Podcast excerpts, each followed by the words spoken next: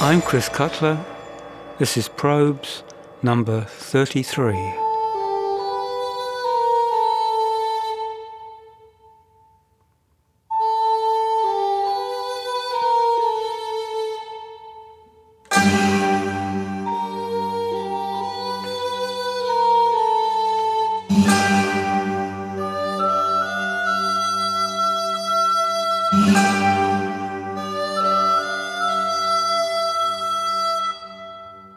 So far in this series, we've concerned ourselves with the modification of forms and behaviours within what we might call a natural acoustic ecology.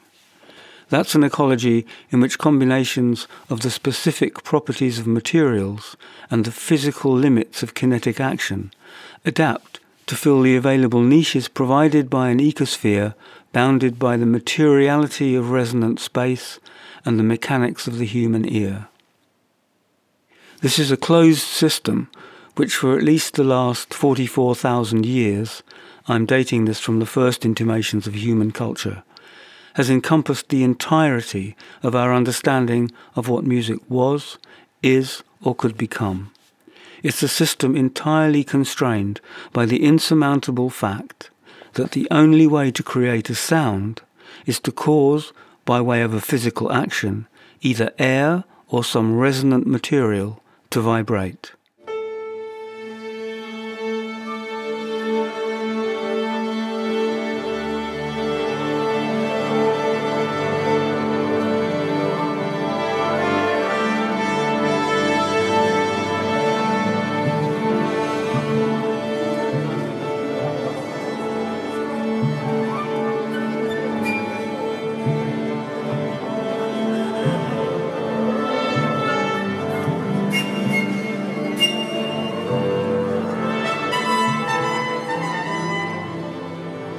Now, the parameters within which such a sound, once it's been made, can be directed towards some communicative or aesthetic purpose, such as music, depend entirely on our having an internalized grasp of the way in which a particular configuration of materials, let's say wood, gut, or horsehair, can be expected to respond to a particular directed action, let's say bowing or tapping that's acted out in some particular space, let's say a cathedral or a cellar or a village square.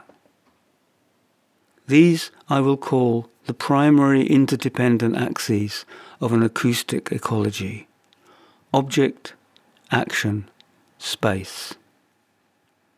We first learn to navigate our acoustic environment instinctively knowledge comes to us unbidden as a practical corollary of sentience. In other words, we observe, we act, and we absorb. As time passes, we learn to refine and objectify this knowledge through a combination of instruction, imitation, and experiment. Meanwhile, and by a similar route, we also acquire musical skills as we absorb the grammar and semantics of the sonic culture in which we are raised. And for us, this is a system that encodes a kind of lexicon of affect, which assigns particular meanings and emotions to particular combinations of sounds, periodicities, and silences.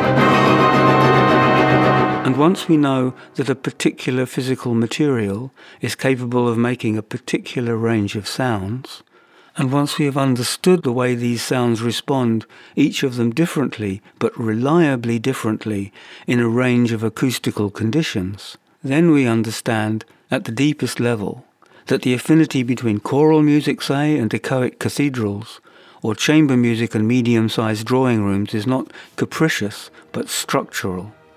And by the same token, we can see how the symphony and the institution of the orchestra are both clearly tied to the acoustical conditions of large resonant auditoria.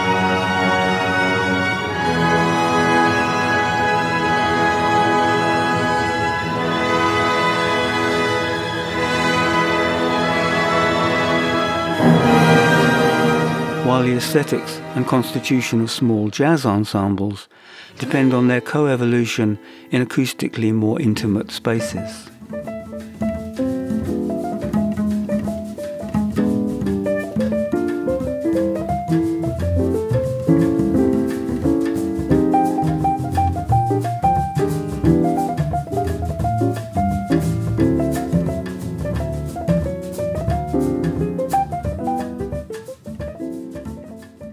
This is because in every musical genre there's a structural mutuality between musical form and acoustical space. Even attributes we might consider to be quasi-autonomous, such as aesthetics, performance techniques or instrument design, are in fact inextricably bound into the ecological and acoustical niches in which they evolve. I might go so far as to say that in all musics before the 20th century, form has followed acoustical affordance. Which is how musicians and composers know that they have to avoid fast flurries of notes in highly resonant spaces.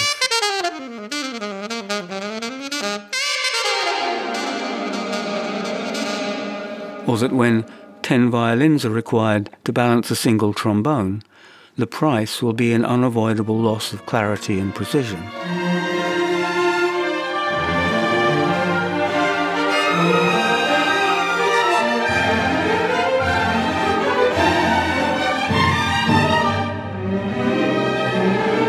and why it values sensation over the individuality and harmonic purity of earlier Baroque composition.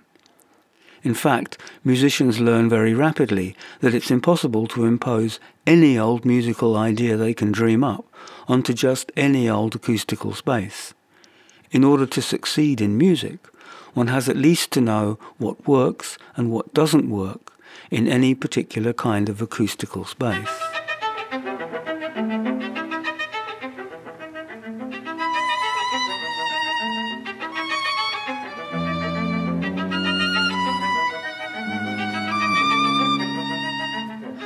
Here's the same piece played in a large cathedral.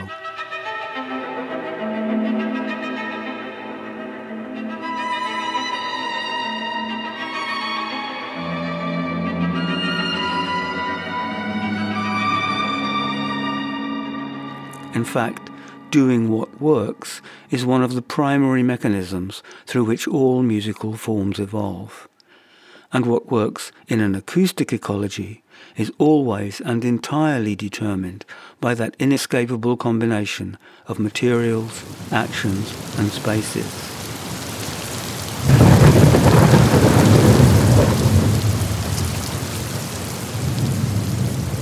So when the change finally came, and it was a change so unthinkable that it took decades for the reality of it to sink in, it appeared to most people as no more than a quirky sonic outrider just one more scientific wonder in an age stuffed with wonders, when in fact it was the harbinger of a wholly new ecology that was answerable only to a wholly new and revolutionary set of affordances and laws.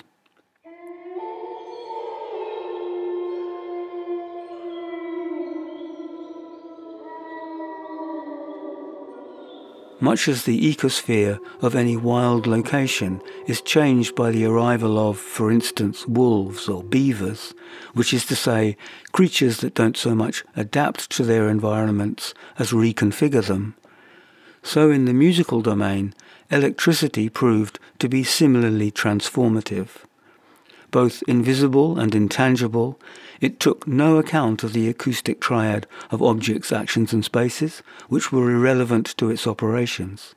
In addition, by delinking sound from both the known acoustical world and the laws that governed that world, electricity was able, indeed it was bound, to change the nature of sound itself.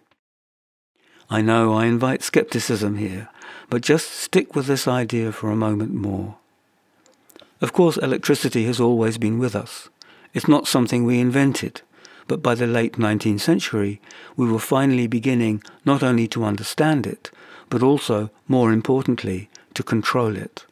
In fact, one could argue that the grand narrative of the 20th century is inextricably bound into the story of electrification, since almost nothing has escaped its transformative attentions, leading a visionary Marshall McLuhan to argue, correctly I think, that it has changed the nature of perception itself. Music was certainly fundamentally transformed, to the degree that it would have been unrecognizable as music even to the most avant-garde of 19th century composers.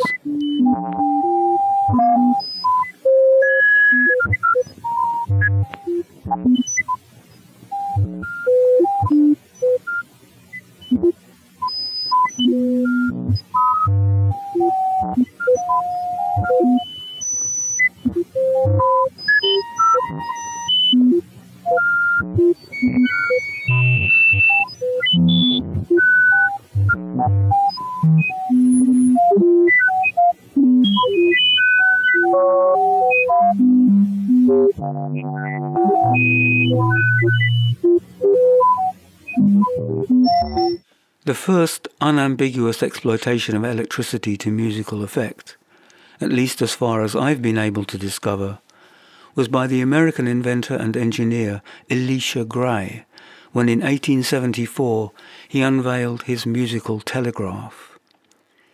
Now Gray wasn't particularly interested in music, and his invention wasn't much more than an intriguing sidebar to his more immediate experiments with telephony. To an observer at the time, the means of delivery, that is to say, the transmission of sounds over great distances by way of telegraph wires, would have been what gripped the public imagination, not the next to non-existent musical content of the invention. And yet, with the musical telegraph, Gray established a principle that would be central to the generation of electronic sound for the next 150 years, and that's oscillation. Roughly speaking, this describes the creation of a feedback loop to generate a single continuous tone. In Gray's case, it was an electromagnetic current that induced a continuous oscillation in a metal reed. So this wasn't yet purely electronic oscillation, but electromechanical. The Choralcelo, which we met in Probes 5, was to use the same principle 35 years later to indefinitely extend the vibration of a piano string, and the same mechanism drives the contemporary EBow.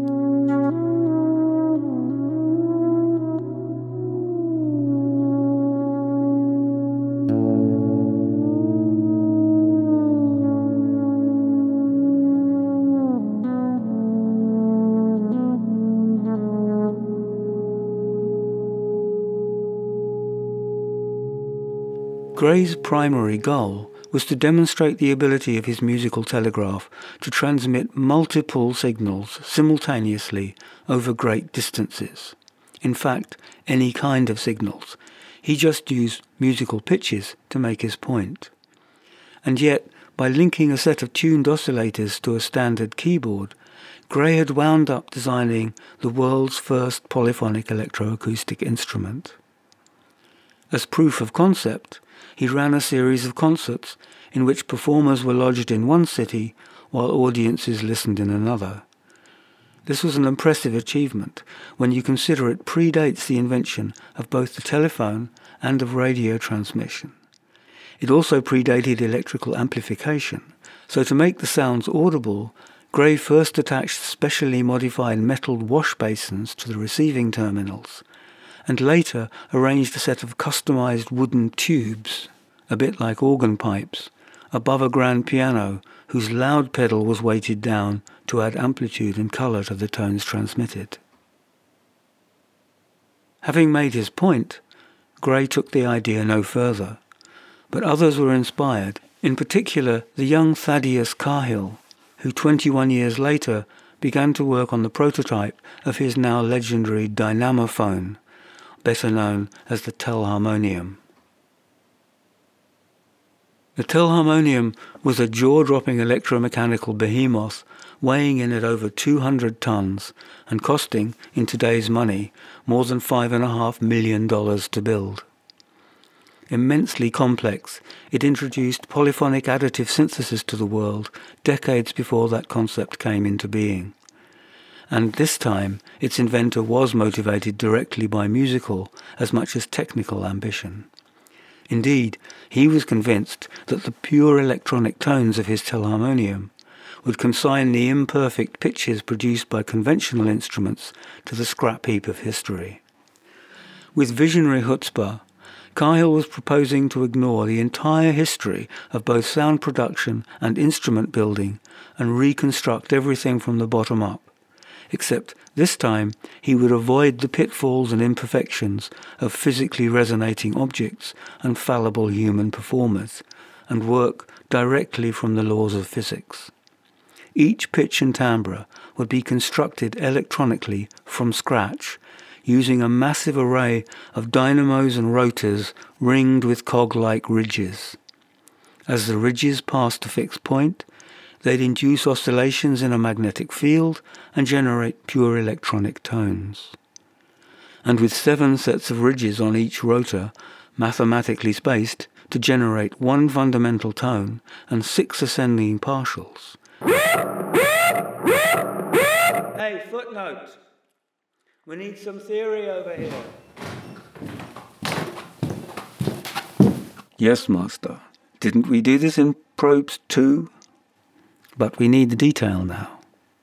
So, when a sound is repeated regularly, it becomes a pulse. Now, if you speed that pulse up a little, by the time it gets to around 20 blips a second, we start to hear it as a continuous tone with a definite pitch. Now, think of those raised ridges on Cahill's rotors. The rotor is turning, and as each ridge passes a fixed point, it disturbs the electromagnetic field and produces an electrical pulse. The closer together the ridges are, the faster the pulses they induce, and the faster the pulses, the higher the pitch.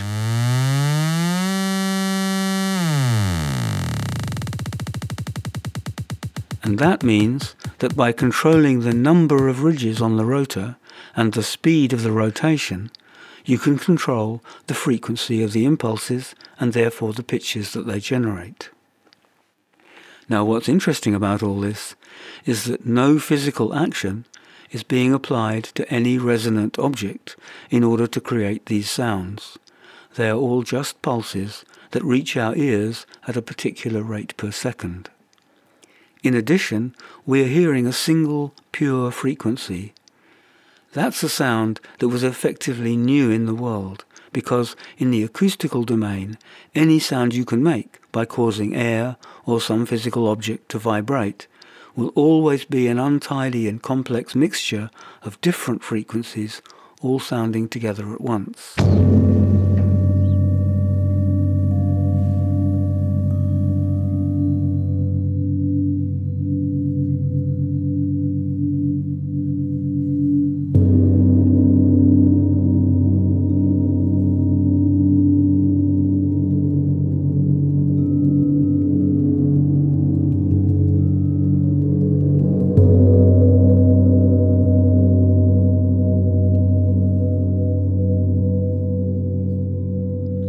Even a single string, when plucked, will produce alongside its fundamental pitch many other pitches which musicians call partials or harmonics or overtones.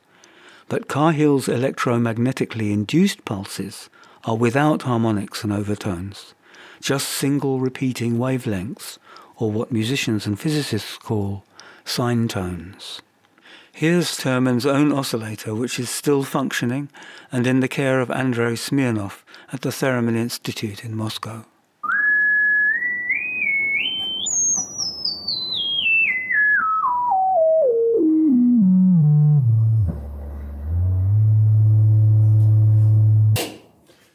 Well, thank you, footnote. and thanks for all your footnoting over the years. I think I can say for us all that we'll be sad to see you go. And of course, we wish you the best in your new job at Chapter Headings. It's been a pleasure. And I know my successor, Mr. Breadvan, will be every bit as diligent as I when he steps into these iconic sonic shoes.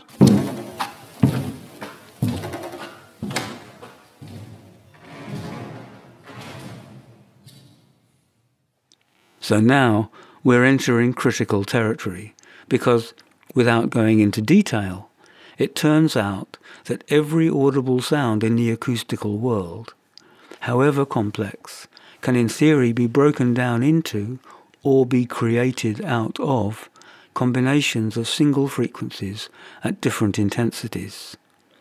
For instance, here's an oboe playing an A.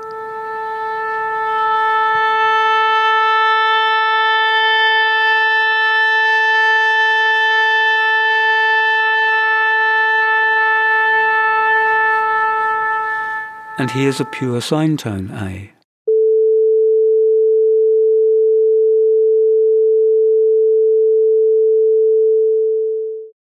The difference is that while a pure sine tone consists of a single frequency, the oboe, which we hear as the same pitch, is made up of the fundamental, a pure sine tone, plus a complex of other accompanying harmonics that are generated by the shape and constituent materials of the instrument itself. I should add two things here. First, that every natural harmonic is a whole number ratio of the fundamental tone. And second, that each of these harmonics is itself a pure sine tone. This means that by combining the relevant sine tones in the right ratios, the sound of the oboe can be constructed harmonic by harmonic out of its parts. And this observation is true for every instrument. Central to this understanding was Hermann von Helmholtz's groundbreaking book on the sensation of tone, first published in 1863. To demonstrate his discoveries, Helmholtz constructed what we now call a Helmholtz resonator, a simple acoustic device that can be used to isolate and analyze all the individual frequencies that go to make up any complex sound. In doing this, Helmholtz himself was drawing on the earlier work of Joseph Fourier, who as early as 1822 had demonstrated that any waveform, however complex, can be broken down into sinusoids, which is to say, a mathematical curve that describes a smooth periodic oscillation, in other words, a sine wave. And once you've analyzed the sound into its sinusoid components, you have also generated the formula from which to reconstruct that sound from scratch. And that's what Cahill did, with profound consequences. Of course, turning streams of raw sine tones into imitation instruments and then coherent musical performances was a mammoth undertaking, and it took a fiendishly complex console of keyboards and controls to achieve it. But Thaddeus was up to the task, and by 1906 the Telharmonium was piping music around the city 24 hours a day, with a tag team of keyboardists supplying a constant stream of real-time music through the New York telephone network into restaurants, hotels, and individual subscribers' homes. Since amplifiers still didn't exist, in most cases, customized gramophone horns were attached at the end of the line to achieve sufficient audibility. Of course, the idea of a telephone subscription service wasn't new. Clement Ader's Theatrophone had been relaying live theatre and concert programs into houses, hotels, and cafes in Europe for more than 18 years by this time, sometimes even in stereo. What was different and revolutionary about the Telharmonium was that the sounds it transmitted were purely electronic. In fact, Cahill believed that the flawless pitches and perfect harmonies that electronic sound generation made possible would eventually make orchestras obsolete and set music free from the crude imperfections of fallible human performers and their unreliable instruments. Not only would this new analytical purity of sound lead the world into a new era of musical appreciation, but its telephonic system of distribution would bring about the universal provision of music on demand. Unhappily, that's not how it panned out. In the continuing absence of any form of electrical amplification, the telharmonium was obliged to generate extremely high voltages to ensure audibility, which is why it was so massive. But those voltages were increasingly creating unacceptable crosstalk with other telephone traffic until something had to be done about it. But by then, the cost of that something had become insurmountable, and in 1910 the telharmonium fell silent. There are no recordings, so the telharmonic experience is another of those forever lost. Histories claim that the prototype remained in storage well into the 1950s, when Cahill's brother tried desperately to find a home for it. But apparently nobody wanted it, and in 1962 it was sold for scrap. transit gloria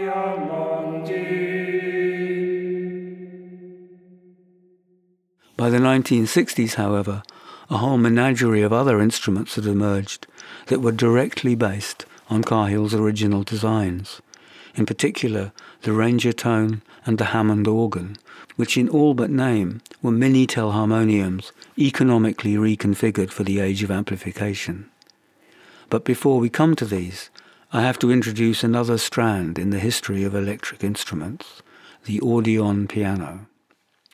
This like Gray's harmonic telegraph, was not so much musically significant as technically critical, because it introduced a third and completely different means of tone generation for electronic instruments, and that's heterodyning. In 1906, the American engineer Lee De Forest patented the grid audion. This was the thermionic triode valve that finally made electronic amplification possible and I think it's fair to say formally ushered in the age of electronics. Valves lent wings to telephony and long-range broadcasting, and then went on to power virtually every electronic device invented in the next 70 years, until they were finally unseated by the transistor. But it was Edwin Armstrong, another radio pioneer, and not Lee De Forest, who discovered that inducing positive feedback in the audion valve produced levels of amplification sufficient to allow radio receivers to drive loudspeakers instead of headphones. And it was Armstrong, too, who discovered that when internal feedback was increased past a certain point, the valve would begin to oscillate and produce a continuous and very high frequency tone, so high, in fact, as to be inaudible to the human ear. And this is where heterodyning comes into the picture. Although discovered in the electronic field by the Canadian inventor Reginald Fessenden in 1901, the phenomenon itself had long been known acoustically, most famously as the Tartini tone, named for the 18th century violinist and composer Giuseppe Tartini, who both exploited these tones in his own work and taught the technique to his students. The idea is simple enough, even if the reality is rather complicated. It's this. When two high frequency tones that are very close together in pitch are sounded simultaneously, a psychoacoustic phenomenon or beat frequency is created, which we experience as a third and much lower tone. In fact, it's a combination of the sum and the difference between the other two. When the original tones are outside our range of hearing, then we hear only the low phantom tone. What's interesting about this is that in the acoustic world of Tartini, this third pitch doesn't actually exist. That's to say, it's undetectable with any measuring device, and it doesn't cause sympathetic vibration in any other materials. It's just a psychoacoustical phantom generated between the ear and the auditory cortex. In the electrical world, the phenomenon is slightly different because in this ecology, the generated tone, due to the complex electrical modulation, is energetically as well as experientially present. Let me demonstrate. Here's Professor Philip from our Probes Research Faculty. First, he'll be playing two high notes on an electric guitar, with some distortion added because that will make the low note, which he's not playing, more audible. You'll notice that as he bends one of the strings upwards, the unplayed note is bending downwards.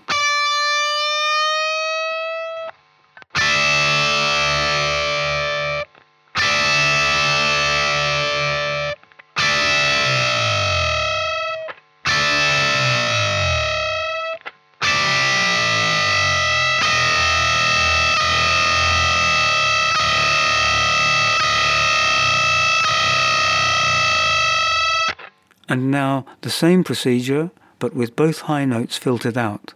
So now you only hear the low heterodyne tones.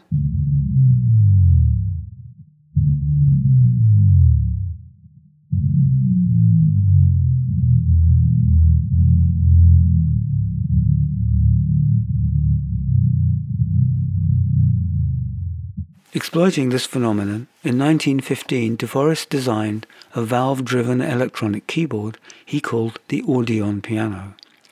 Since it was built around a single triode, it could only sound one note at a time, making it monophonic. But because the triode produced electronic rather than acoustic data, its output could be electronically rather than acoustically processed, which meant that by passing the electronic pulses through chains of capacitors and resistors, De Forest was able to produce, as he wrote at the time, sounds resembling a violin, cello, woodwind, muted brass, and other sounds resembling nothing ever heard from an orchestra or by a human ear up to that time sounds of the sort now often heard in the nerve racking maniacal cacophonies of a lunatic swing band. Such tones led me to dub my new instrument the squawkophone. He also noted that the pitch of the notes can be changed merely by putting a finger on certain parts of the circuit. In this way, very weird and beautiful effects can easily be obtained. Of course, there was no niche in music for such an instrument at that time. And in truth, the Audion piano was, like Gray's telegraph, more a proof of concept and demonstration of principle than a practical musical tool. Still, it was a principle that would be critical to the technological evolution of electronic instruments for the next 50 years. A wry footnote here. In 1907, Cahill and De Forest briefly worked together when De Forest, hoping to interest Cahill in radio technology, used his radio transmitters to broadcast some early telharmonium concerts.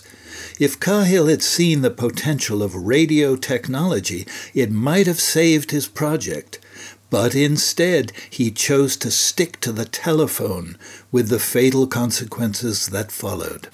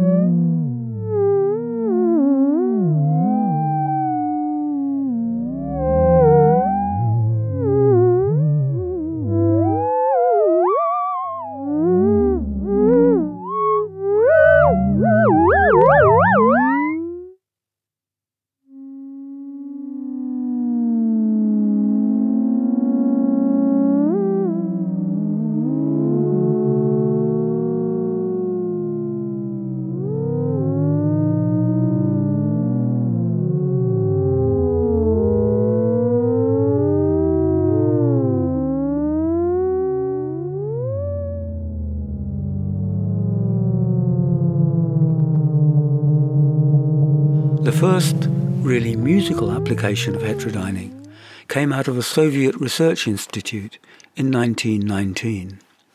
This was the etherphone or theremin vox, introduced to the Russian public in November 1919 at what must have been a jaw-dropping concert in which its inventor, Lev Sergeyevich Termen, who also happened to be a conservatory trained cellist, stood in front of a wooden box and moved his hands in the air without touching the box at all, and somehow conjured ethereal sounds around it that eerily matched his movements. The event was billed as science, but to the public that night it must have seemed more like magic. Here's a snatch of Leon playing his own instrument on Russian television in 1954.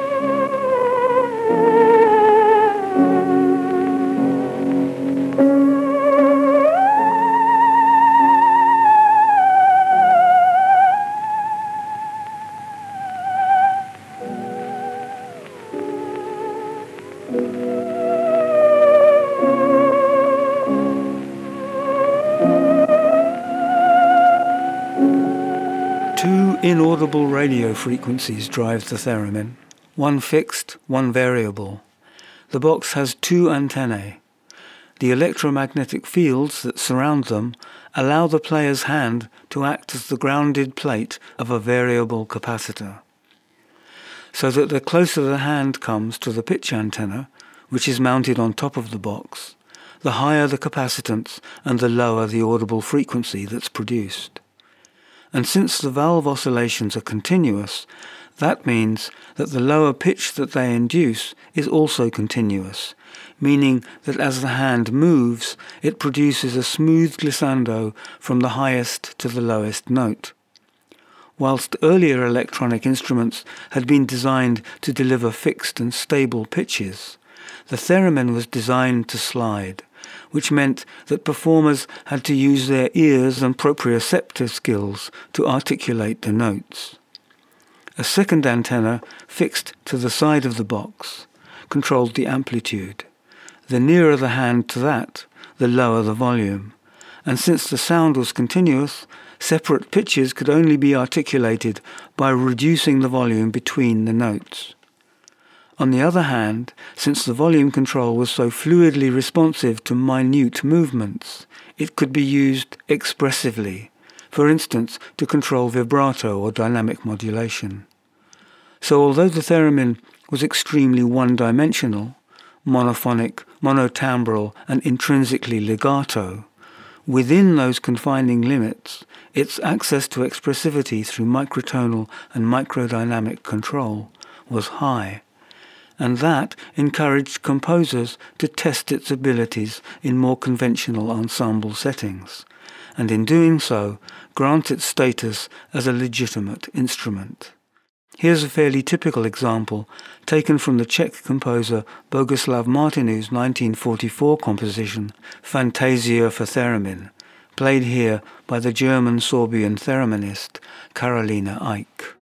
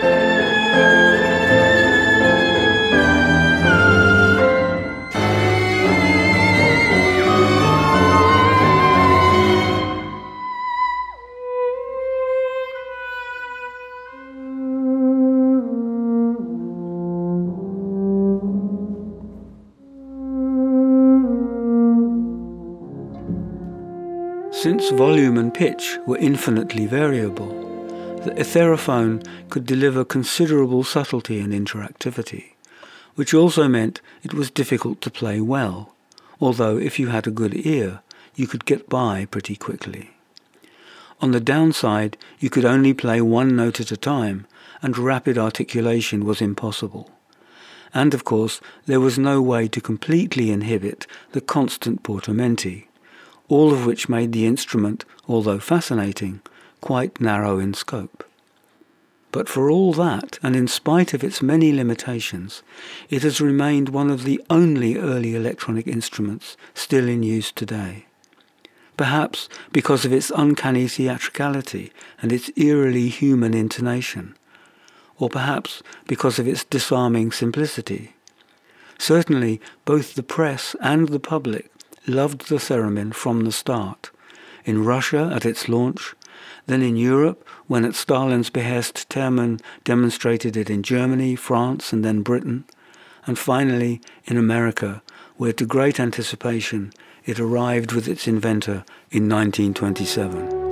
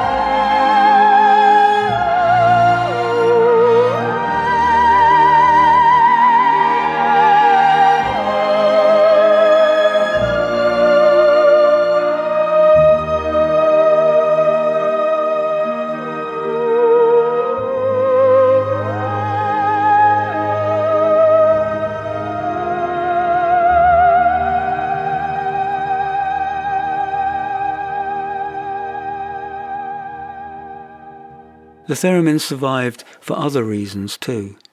It attracted virtuoso performers like Lucie Bigelow and Clara Rockmore, who commissioned new works and gave high-profile concerts. Composers like Varese, Schillinger, Martinů and Percy Grainger wrote for it, creating a repertoire. And, as we've seen, because the theremin responded much like a traditional instrument to a performer's microgestures, it could articulate as a direct extension of the human body. When in 1930 the Radio Corporation of America licensed it for manufacture, it also became the first electronic instrument to be mass produced. In all, some 200 theremin boxes were bought by radio stations, composers, and members of the public. But as the Great Depression deepened and Theremin himself mysteriously vanished into the ether, its star began to wane. Yet by the late 1940s, the theremin had found a new niche for itself in film, where it became a musical signifier for the uncanny, the disorientated, the alien, and the extraterrestrial. One of the first Hollywood composers to establish this was the Hungarian expatriate Miklos Rozsa in his classic score for Lost Weekend, Billy Wilder's 1945 hymn to alcoholic hallucinosis. Since we heard that in Probes 3, here's an extract instead from another of Rozsa's scores, this one Alfred Hitchcock's Spellbound, which was released in the same year.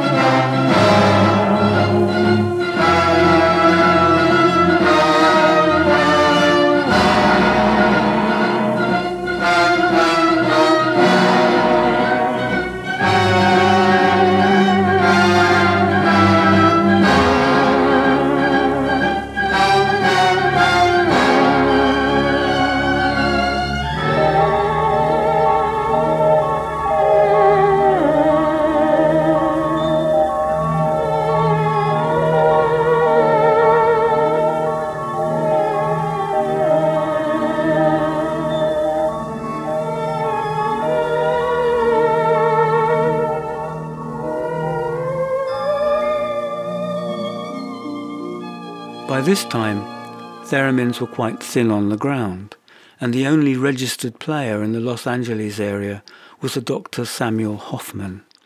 He'd acquired his in settlement of a debt in 1929 and began in his leisure time to feature it first in the nine-piece swing orchestra he'd founded in 1936 and then again in Hal Hope's electronic trio, which consisted of a theremin, a theremin cello and a Hammond organ. Tragically, once again, there are no recordings. By the time he'd moved to Los Angeles in 1941 to work full-time as a dentist, he'd given up playing professionally. But Hollywood found him and he quickly became the film composer's go-to theremin player for everything.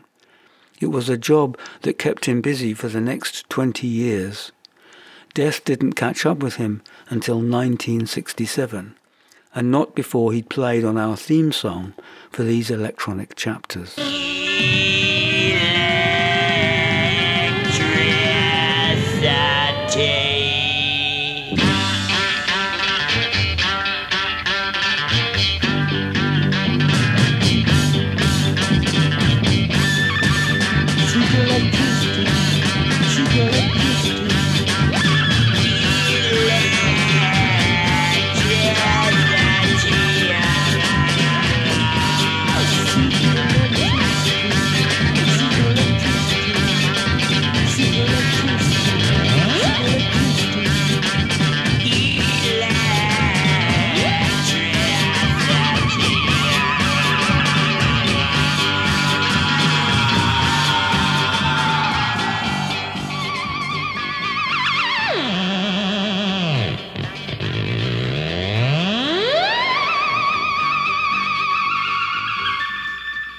That was Dr. Hoffman. And here he is again in 1951, playing on Bernard Herrmann's definitive sci-fi soundtrack for the Robert Wise classic The Day the Earth Stood Still, scored for two theremins, two pianos, a harp, a tuba, an electric violin, a Wurlitzer organ, and miscellaneous percussion.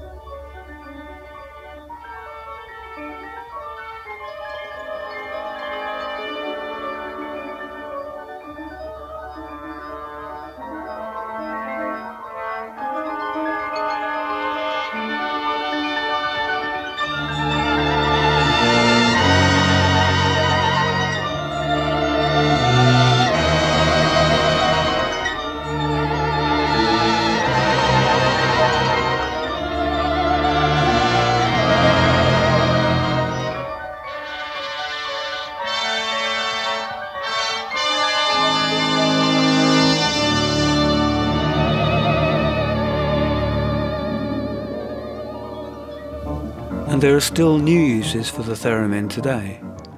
Here's an extract from the Spanish thereminist Javier Díez-Ena's Berlin Ghost Opera, on which everything is played by theremins. Ah.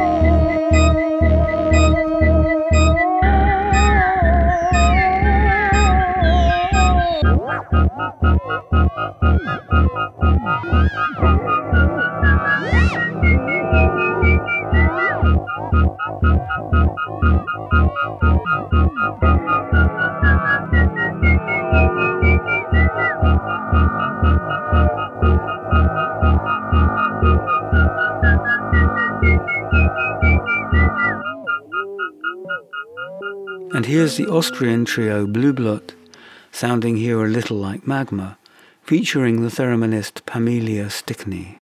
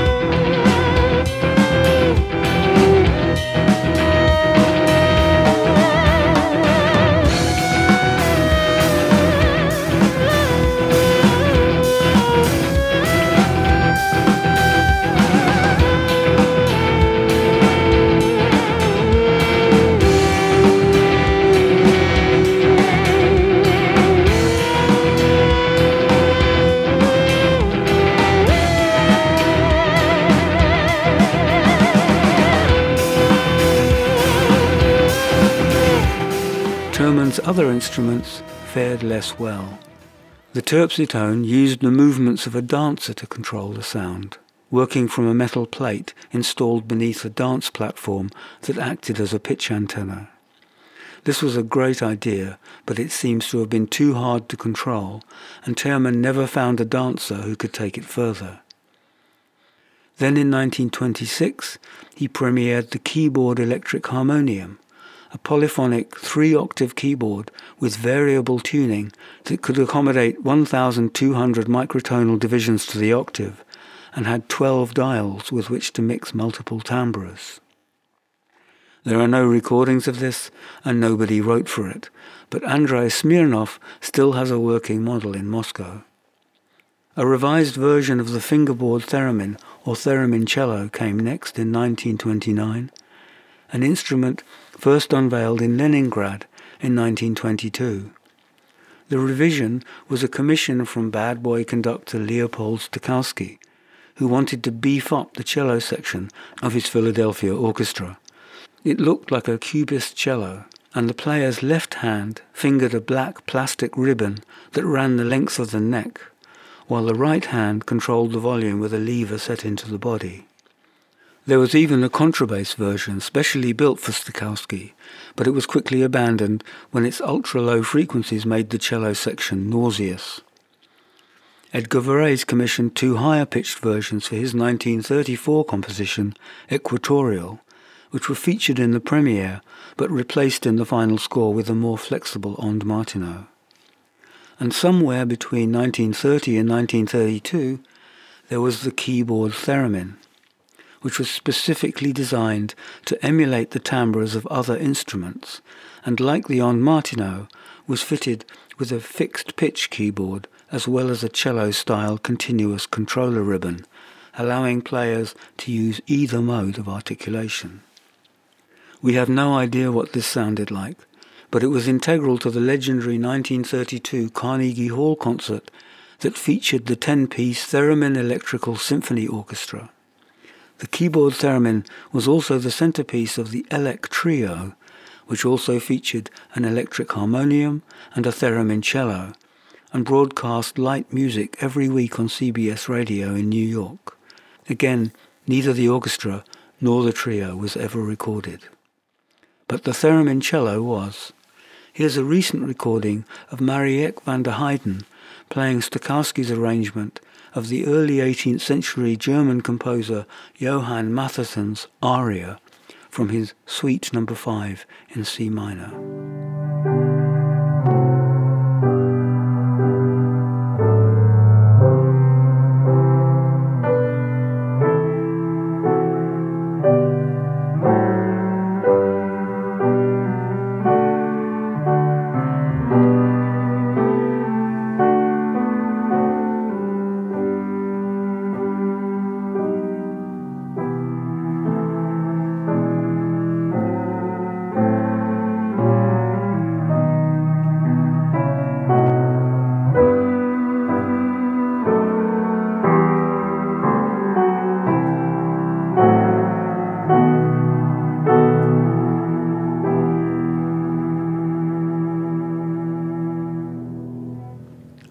Electronic orchestra, an all electronic trio, what did they play, these alien instruments of the future? Something mind altering, experimental, futuristic. They played selections from the popular classics. In a textbook example of what Marshall McLuhan called rear view mirrorism, in which a new technology simply imitates the one it was intended to replace. Only Edgar Varèse and Percy Grainger actively explored new musical ideas with the theremin. In particular, Grainger, who accepted portamenti as something to be embraced rather than overcome, and who was one of the only composers of the time to connect the affordances of the new technology with the exploration of new musical forms. Here's his Free Music number one for four theremins completed in 1936 and performed here by Lydia Kavina.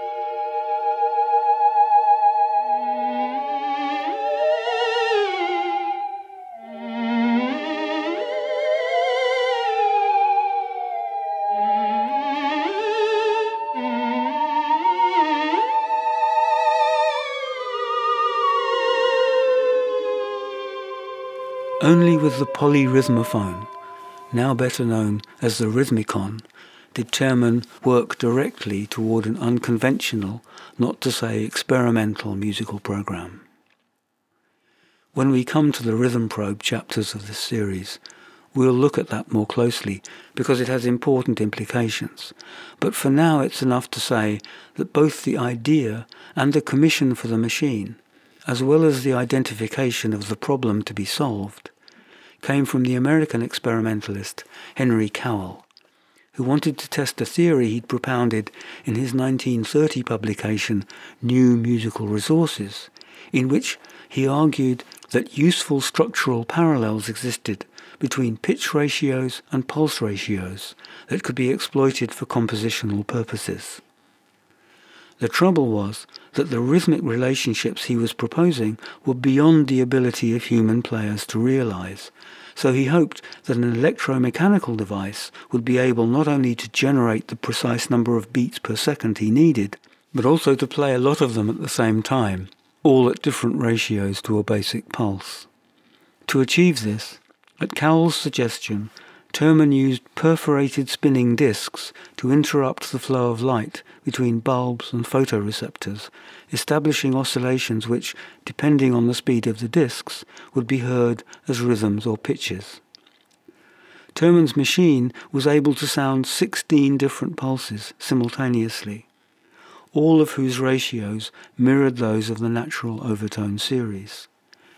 It worked, but not with sufficient nuance to do more than demonstrate a principle. Cowell composed several pieces for it, one of which, Rhythmicana, was possibly played once. Different sources don't agree. We do know, however, that there was a public demonstration in 1932, which elicited considerable media interest, but still no recordings were made. Cowell himself quickly moved on. The idea was strong, but the reality had proved too limited to produce work of any heft. Rhythmicana was finally revived or premiered in 2019 at Tufts University by the Tufts Musical Ensemble. The Rhythmicon they used was reconstructed for the purpose by Mike Buffington at the request of one Wally DeBacker, composer and singer of the Australian indie band The Basics and if a pop person reviving an antique electronic instrument seems a little unusual, as we'll see in future episodes, it's actually almost the rule. Here's a short extract from that Boston concert of Cowell's 1931 Rhythmicana, scored for Rhythmicon and orchestra.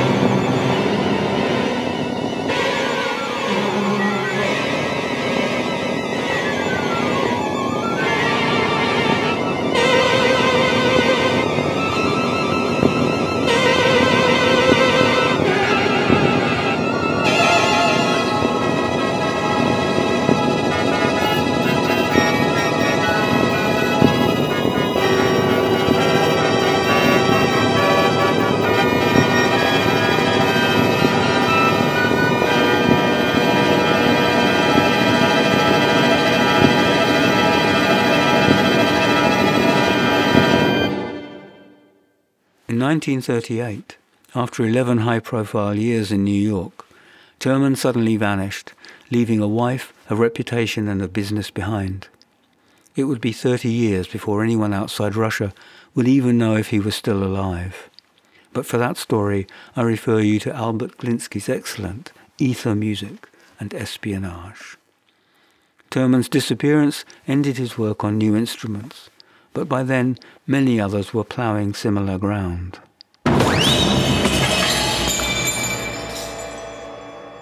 In the next episode, we'll follow the heterodyne trail through a range of other experimental monophonic instruments and their exploration of increasingly sophisticated signal processing.